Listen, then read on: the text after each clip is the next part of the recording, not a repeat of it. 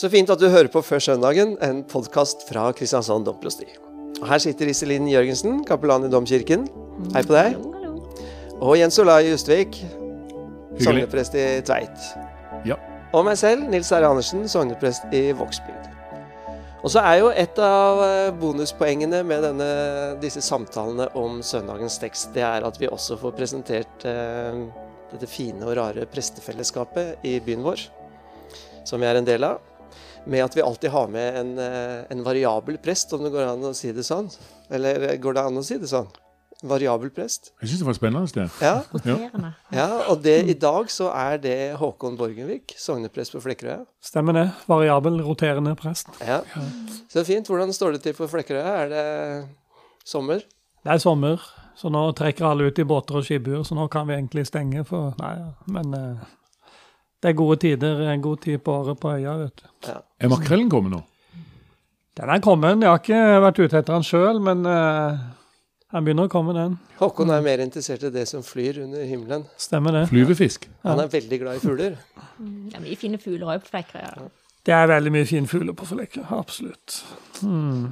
Så i sognet der så risikerer de at de, hvis de står opp en tidlig morgen klokka fem og kikker ut hagevinduet sitt, så finner de sognepresten med kikkert i hagen i busken der. Ja, ja, hvis du ser en uh, suspekt fyr med kikkert i buskene, så er det altså Jeg er kanskje ute etter en hortulan eller noe, så jeg kikker ikke inn badevinduene, for å si det sånn. det er godt. Men hva, hva er favorittfuglen din? Favorittfuglen min er egentlig rødstrupa. Det er en som er rundt oss eh, hele tiden, eh, og som er, en- kan bli nokså tam og synge veldig fint. da. Så den er jeg litt ekstra glad i. Er det noen sjeldne dyr der ute? Fugler, unnskyld. Sjeldne dyr, sjeldne Fugler, fugler. fugler, mener fugler. Er ikke det en metafor?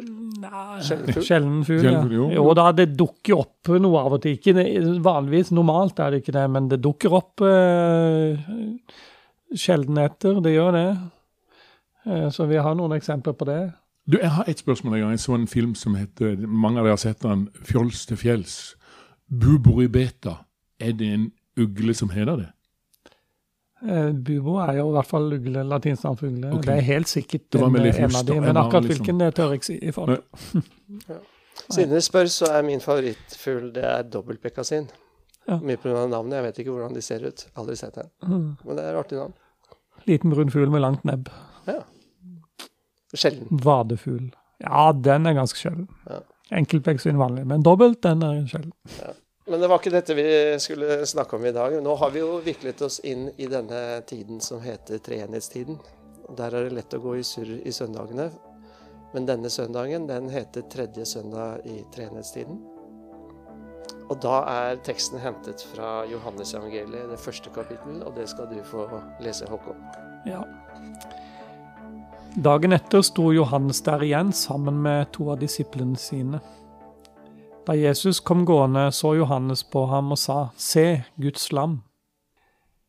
De to disiplene hørte hva han sa, og fulgte etter Jesus. Jesus snudde seg og så at de fulgte ham, og han sa, Hva leter dere etter? De svarte, Rabbi, hvor bor du? Rabbi betyr lærer. Kom og se, sa Jesus. De gikk da med ham og så hvor han bodde, og de ble hos ham den dagen. Det var omkring den tiende time. Andreas, Simon Peters bror, var en av de to som hadde hørt det Johannes sa, og som hadde fulgt etter Jesus. Han fant nå først sin bror Simon og sa til ham, Vi har funnet Messias. Messias betyr den salvede. Så førte han Simon til Jesus. Jesus så på ham og sa, Du er Simon, sønn av Johannes. Du skal hete Kefas. Det er det samme som Peter. Dagen etter ville Jesus dra til Galilea. Da fant han Philip og sa til ham, Følg meg. Philip var fra Betzaida, den byen Peter og Andreas var fra. Philip traff Nathanael og sa til ham, Vi har funnet han som Moses har skrevet om i loven, og som profeten har skrevet om. Det er Jesus fra Nasaret, Josefs sønn. Kan det komme noe godt fra Nasaret, sa Nathanael. Philip svarte, Kom og se. Jesus så Nathanael og komme gående og sa, Se der en sann israelitt, en som er uten svik. Hvor kjenner du meg fra? spurte Nathanael. Jesus svarte, Jeg så deg før Philip ropte på deg da du satt under fikentreet. Da sa Nathanael, Rabbi, du er Guds sønn, du er Israels konge. Tror du fordi jeg sa at jeg så deg under fikentreet, sa Jesus. Du skal få se større ting enn dette. Så sa han, sannelig, sannelig, jeg sier dere, dere skal se himmelen åpnet og Guds engler gå opp og gå ned over menneskesønnen. Ja. Du hadde med deg en lang tekst, eh, Håkon. Ja, Og den tror jeg vi må rekonstruere. Jens Olai, Mm.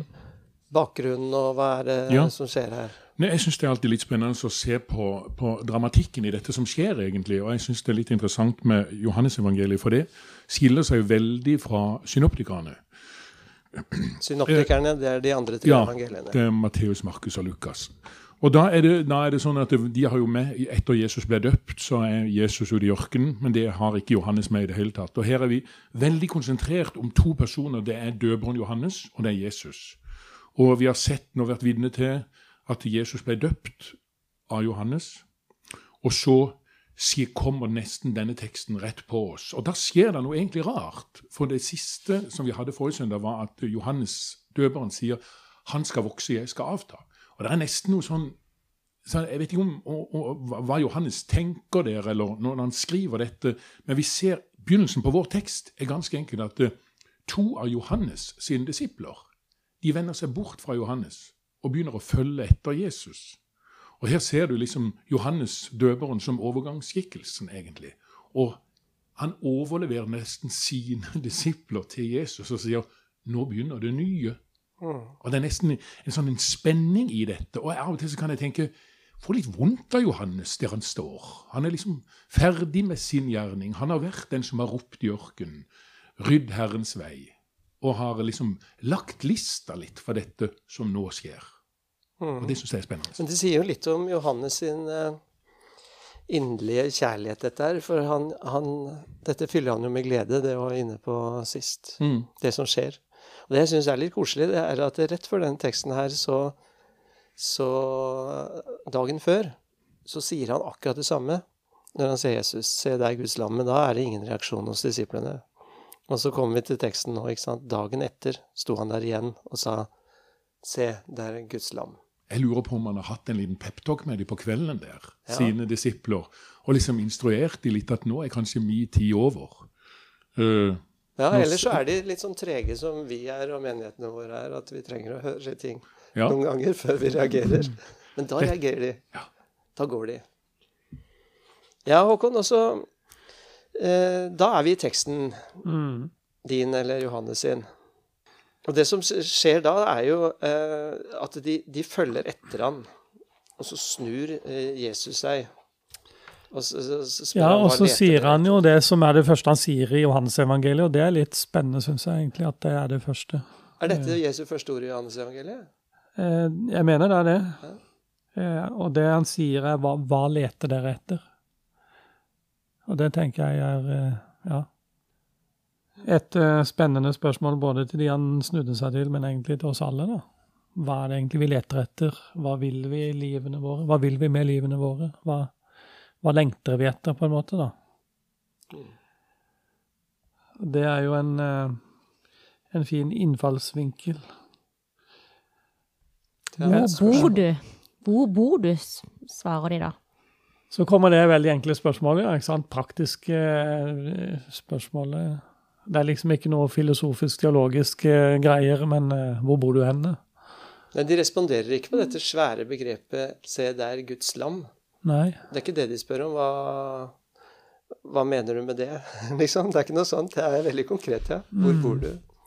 Ja, hva leter dere etter? ikke sant? Jeg leter jo etter ja, eksempel lette etter en trostesanger borti Grimstad i det siste, og jeg bomma på den et par ganger, eh, sånn man hører midt på natta. Vi leter etter forskjellige ting, da. Og alt fra sånne overflatiske, vanlige, der- hverdagslige ting til de virkelig dype tingene, da, ikke sant. Hva, hva leter vi, eller hva lengter vi etter i våre liv? Og jeg tror jo Gud har lagt en ned, lengsel nede i oss alle eh, som vi er mer eller mindre klar over, og som kanskje mange, mange ikke helt er klar over i det hele tatt, men en lengsel etter å, å egentlig gjøre som de gjorde her, da. Bli med Jesus. Bli med han hjem, på en måte. For eh, altså lengter etter dette fellesskapet med han som har skapt oss, da. Den lengselen tror jeg vi har fått av og ligger i oss, og er kanskje den dypeste av alle lengsler og det vi leter etter. Mm, som om det er liksom mange lag, kanskje? At, Mm. eh, at uh, denne fuglelengselen din At det er et uh, Det er noe du ser Du finner der som uh, At det er et lag på lag på lag på lag inn Mm. mot den dype mening, da. Mm. Og det er, det, det er jo det som er så utrolig freidig med Jesus her. Den, den selvbevisstheten hans er jo helt enorm. For når han sier 'kom og se', han er det stedet. Han er den, den lengselens mål, hva han oppfatter det som. Og han bruker jo et bilde helt mot slutten av denne teksten her, hvor han snakker om denne åpne himmelen og Guds engler går opp og ned over menneskesønnen den selvforståelsen der, for det spiller jo tilbake til Jakobs drøm. Eh, Mm. hvor han hadde denne drømmen at, eh, at det var reisen stige fra himmelen ned til jorden, hvor engler gikk opp og ned. Og så våkner han om morgenen ikke sant, og så sier Gud er på dette stedet, jeg visste det ikke. For et skrekkelig sted, sier han egentlig først eh, Mm. på eh, rundspråket. Eh, Gud er på dette stedet, jeg visste det ikke. og så kaller han stedet Betel. Men Jesus har jo åpenbart den forståelsen av seg selv. Men er ikke det litt spennende? For da synes jeg Hvis det er så at Jesus har den forståelsen av seg selv, så møter han to noviser her som er temmelige på bar bakke. De har ikke peiling. De vender seg plutselig mot Jesus som skikkelse. De har kanskje hørt Johannes har nevnt dette eller annet, men de har ikke det skriftsmaterialet som vi sitter og tenker og, og, og, og filosoferer rundt nå. Så det er jo liksom Er det litt sånn johaneisk dette også? Jesus der oppe og de der nede. Altså motsetningene. Oppe nede. Ja. Det er liksom det er, det det er han, han henvender seg bare til grasrota, til disse to. Og, så, og, og det er noe sånn tilforlatelig, og der står de. Men de utviser en peiling som er egentlig helt enorm, fordi de spør om det aller mest essensielle. Ja. De er ikke tatt av teorien og, og begrepene og alt det der. De er opptatt av personen. Men hva Hvor er det da de ser, Nils? Det har jeg av og til lurt på. Hvorfor? Ja, hvordan ser det ut hjemme hos han? Hæ? Hvordan det ser ut hjemme hos han? Nei, ikke Men, men vi, vi alle er jo opptatt av hvor folk kommer fra. Jo, ja, det, Er ikke- er ikke det et av de første spørsmålene vi stiller for å prøve, prøve, prøve å plassere folk? For å finne ut sammenhengen de har vokst, vokst opp i. og har, Vi har kanskje veldig mange fordommer mot det, men vi må liksom begynne et sted. Kanskje de vil ha en hjemme hos-reportasje? for- Ja, for det sier ganske mye om hvilket, hvilket sted, hvem han har vokst opp sammen med, og hvilket, hvilken eh, by eller landsby eller tettsted han har vokst opp i. Eh, sosiale forhold. Eh, og det kan vi jo komme, komme tilbake til. Eh, eh, men, men så vet vi jo at det er gjennom å følge Jesus at en lærer mer om hvem Jesus er, da. Hvem han ser hva han gjør, og hvordan han snakker til folk og sånn. Sånn at han er ikke så opptatt av å svare heller på hvor han kommer fra, fordi at eh, han kanskje vet at ikke det sier så veldig mye om han sjøl. Eller gjør det kanskje det? Sier det mye om, om han, hvor han kommer fra? Det er jo en svimlende tanke, egentlig, at, at Jesus har et hjem. Guds sønn i det hele tatt har et hjem i en litt sånn lurvete by. Eh, en liten flate hvor han bodde. Særlig med dette jonaneske perspektivet som dere snakker om. som Altså, Johannes er jo den som minst av alle evangelistene skriver referat. All, alt han skriver, er gjennomtenkt og har betydning. Eh, det er tolkning, det er, eh, det er hans nære kjennskap til fortellingen som gjør at han går ut av fortellingen og regisserer dette på andre måter og sånt. Ja. Så dette, dette tilforlatelige, enkle 'hvor bor du', følg meg, det er jo ikke sånn som bare detter ut av pennen til Johannes. Det er også begreper som er viktige. Og jeg tror, jeg tror du er inne på noe. Og så sier han ikke det Jo, jeg bor i eh, jeg vet ikke, i Betaniagata 24. Han sier ikke sånn. Det er ikke noe sånn. Men kom og se, sier han. Mm. Altså, han, han, han ber deg inn med en gang. Og det er liksom noe av det han, han, Det er den der eh, åpenheten. Rausheten. Ja, kom og se. Det er ikke farlig.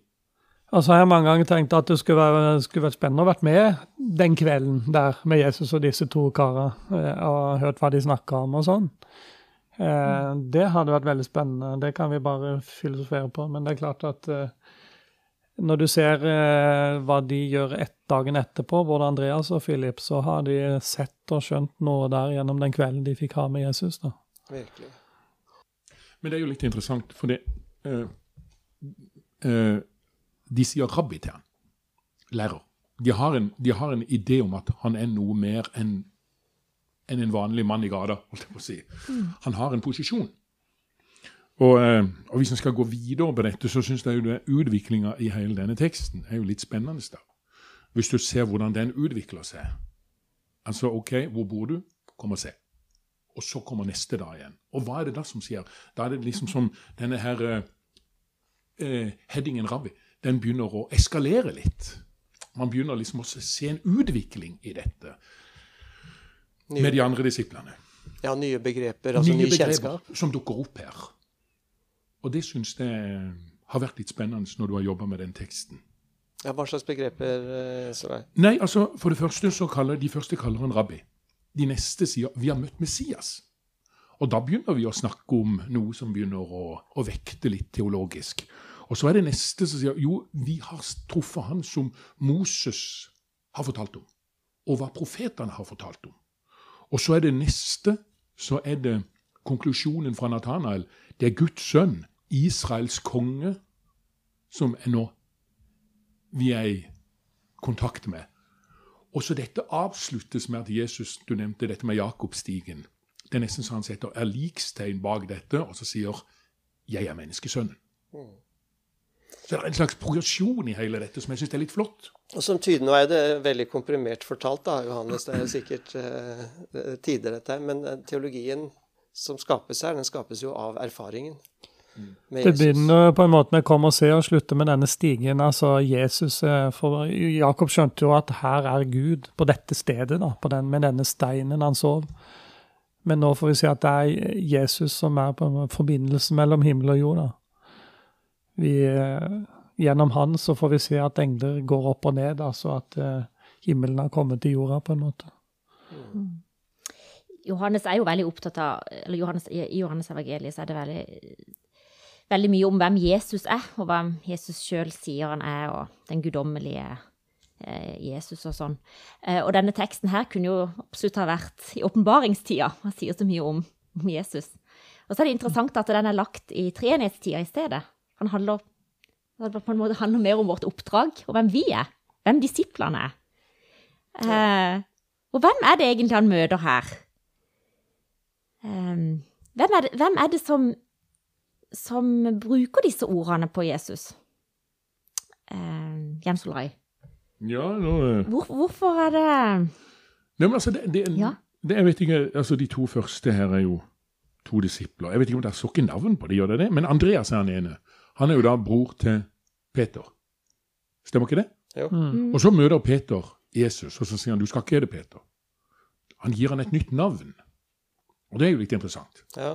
Det er jo altså det er interessant at, eh, at eh, eh, det handler om hvem Jesus er, men det handler også om hvem Jesus plukker ut. Og hvem, hvordan han ser folk, og hvordan, uh, hvordan de blir kalla, da. Eller får et, får et kall, hvis man skal bruke en sånn eh, De er jo ikke akademikere, de fleste av de. De har jo ikke syv års uh, presteutdannelse. I hvert fall de- noen av de er jo fiskere og, og De er vel det hele gjengen, stort sett. Ja. Kanskje Nathanael eh, var noe annet. Han satt under et fikentre, og som er et sånt uttrykk eh, for Altså, rabbinerne satt gjerne under fikentre og underviste, da. Men og han satt der og funderte på loven og var en sann israelitt. Men de fleste av disiplene er jo vanlige folk med vanlig arbeid, eh, ikke sant. Eh, på den tida var det vel sånn at de som var skoleflinke, da, de ble jo plukka ut og fikk en plass hos en kjent rabbiner, og fikk jo en sånn rabbinerutdannelse. De som ikke var fullt så flinke, de havna som fiskere og bønder og snekkere. Mm. Så det er jo veldig spennende å se hvem Jesus går og plukker ut. Men så er det også et interessant det, Håkon, for det at eh, hvis du går til synoptikeren, så sier han 'følg meg'. Nesten konsekvent. Men det gjør han ikke her. Det gjør han bare én gang. Det gjør han bare til Philip. De andre kommer liksom sånn sigende inn og blir en del av følget uten at han får den der direkte 'følg meg'. Og Det syns jeg også er litt interessant ut fra Johannes. Hvorfor gjør han det? Og litt mer sånn passivt. Altså, bare se. Ja, kom og se. Ja, bare vær den du er, og kom og se. Ja. Så er den litt mer uryddig, den disippelflokken i Johannes. Han, han nevner også at de var tolv Mm. på noe tidspunkt, men han nevner jo ikke navnene på alle, bare en, seks-sju av de. Også Nathanael har jeg- har tenkt på hvem, hvem er han? Han er ikke den jeg pugga når jeg skulle pugge disiplene i konfirmanttiden. Um, var han en av de tolv? Det er vel en sånn teori om at det er han som er uh, Bartlomeus. Ja, Mm. men eh, Jo, men det er jo litt interessant. det er litt søkt. Ja. Jeg syns det er nesten litt sånn flott. Hvis ikke han er en av de tolv, da, så var det en god del andre rundt han. Og det sier litt om at eh, altså, det, det, det åpner litt opp bildet av disippelflokken på et eller annet vis. Og gjør noe at uh, her er det rom for flere. Det er ikke bare den engere krets. Nei. Men er dette et slags sånn den åpne dørs evangelium? Ja, og spesielt også er det at Johannes har jo med de, de rike. Eh, var også en del av Jesu flokk, ikke sant. Josef Arimathea, Nikodemus, altså de som hadde høye posisjoner, var velstående. Så det er veldig åpent her, den flokken eh, hos Johannes. Men når vi er inne på dette med kallet Jeg har tenkt på det. Det har jo vært en anstøtstein for veldig mange mennesker, tror jeg. Her ser vi denne gruppa som blir trukket inn i denne kallsforståelsen. Følg Jesus.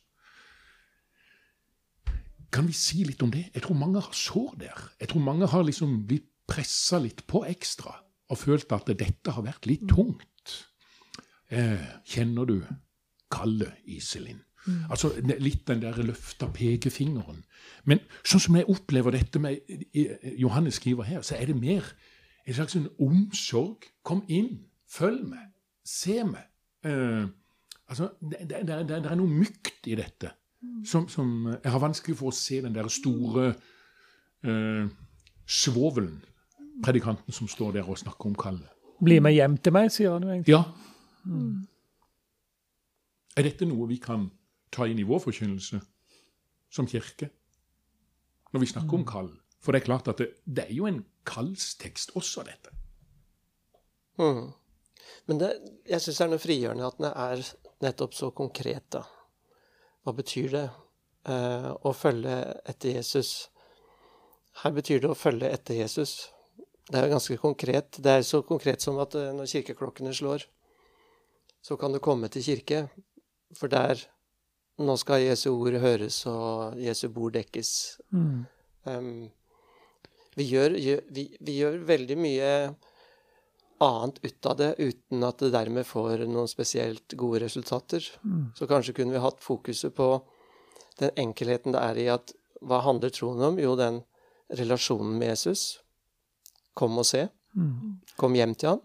Ikke så abstrakt, men flytte det ned i beina, på en måte. Når kirkeklokkene ringer, så.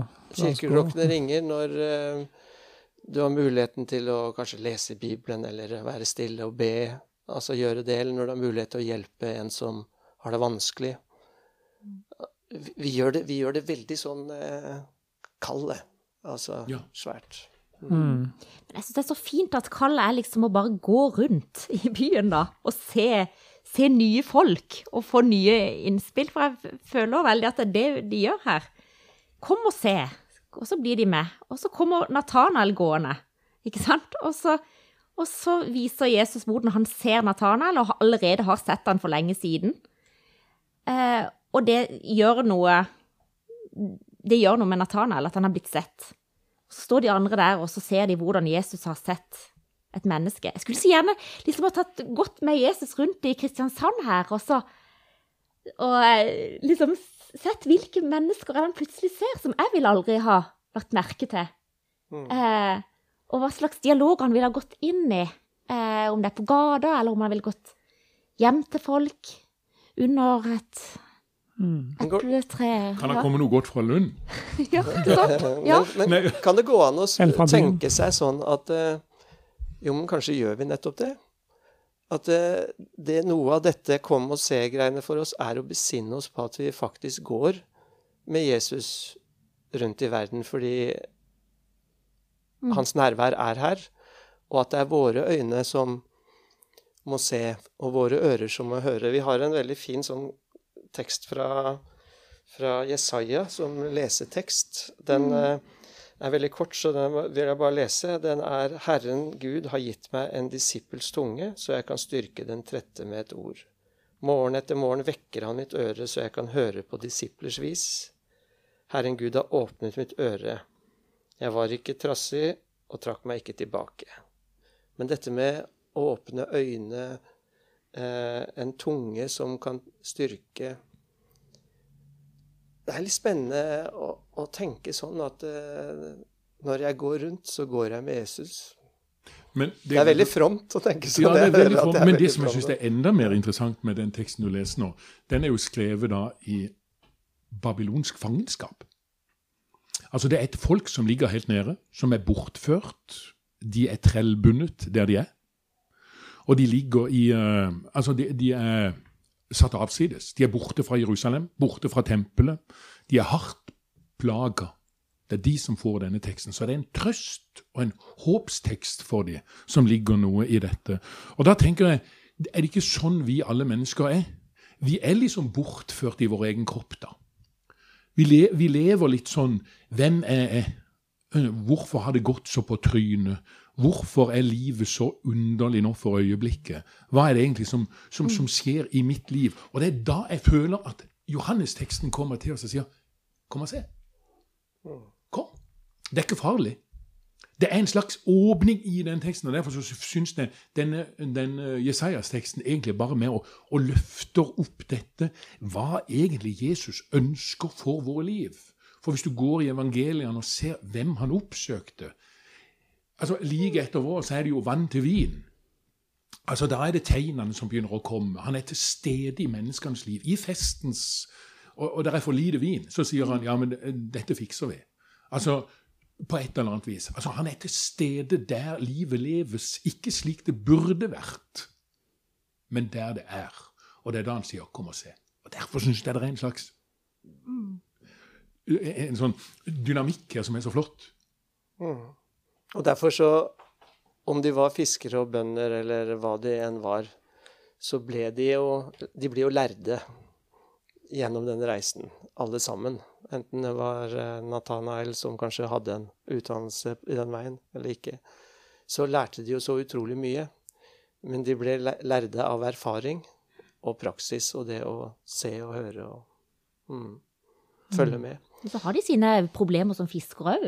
Ikke sant? De får ikke fisk, og Nei, de får det faktisk ikke, og Jesus er der òg. Og det, det, det fine er at eh, når de har opplevd dette helt vanvittige, at Jesus har stått opp igjen og sett det, så sier Peter 'Jeg går og fisker', jeg. Da går de tilbake til båtene sine. Altså da, da, da må de ha noe konkret å gjøre. Dette Tilbake Dette må du si noe med om Håkon, du som er vant til fiskere på øya. Tilbake i hverdagen. ja. Ja, Men- Nei, ja, men uh, vi, vi var inne på dette med kallet. ikke sant? Følg meg, hva ligger i det? Vi, eh, at vi tenker at kallet først og fremst er en uh, invitasjon inn i et fellesskap. Jesus inviterer oss med hjem, på en måte. Uh, men hva ligger i det? Nå har vi vært inne på det at vi, vi har det en tendens til å gjøre ting litt abstrakt og vanskelig, da, men det er jo ikke så veldig vanskelig på en måte. Det handler om å gjøre de konkrete tingene. Bruke beina, gå dit han kan høres. Eh, oppsøke de kildene der han viser seg for oss. Altså, de, hadde, de møtte han jo som et menneske og kunne følge etter han. Eh, De var i en særstilling og heldigere enn noen andre, da. Vi kan eh, bla opp i et enkelt evangelium og følge Jesus gjennom det. Det er en fin måte å følge han på. ikke sant? Og når gjør vi det, så ser vi akkurat hvordan han møter enkeltmennesker, som er kanskje noe av det sterkeste en opplever når en leser evangeliene. da. Og, eh, Mm. og at det kaller, Altså Følg meg. Slå opp evangeliene og Mm. møte han der. Følg han gjennom de.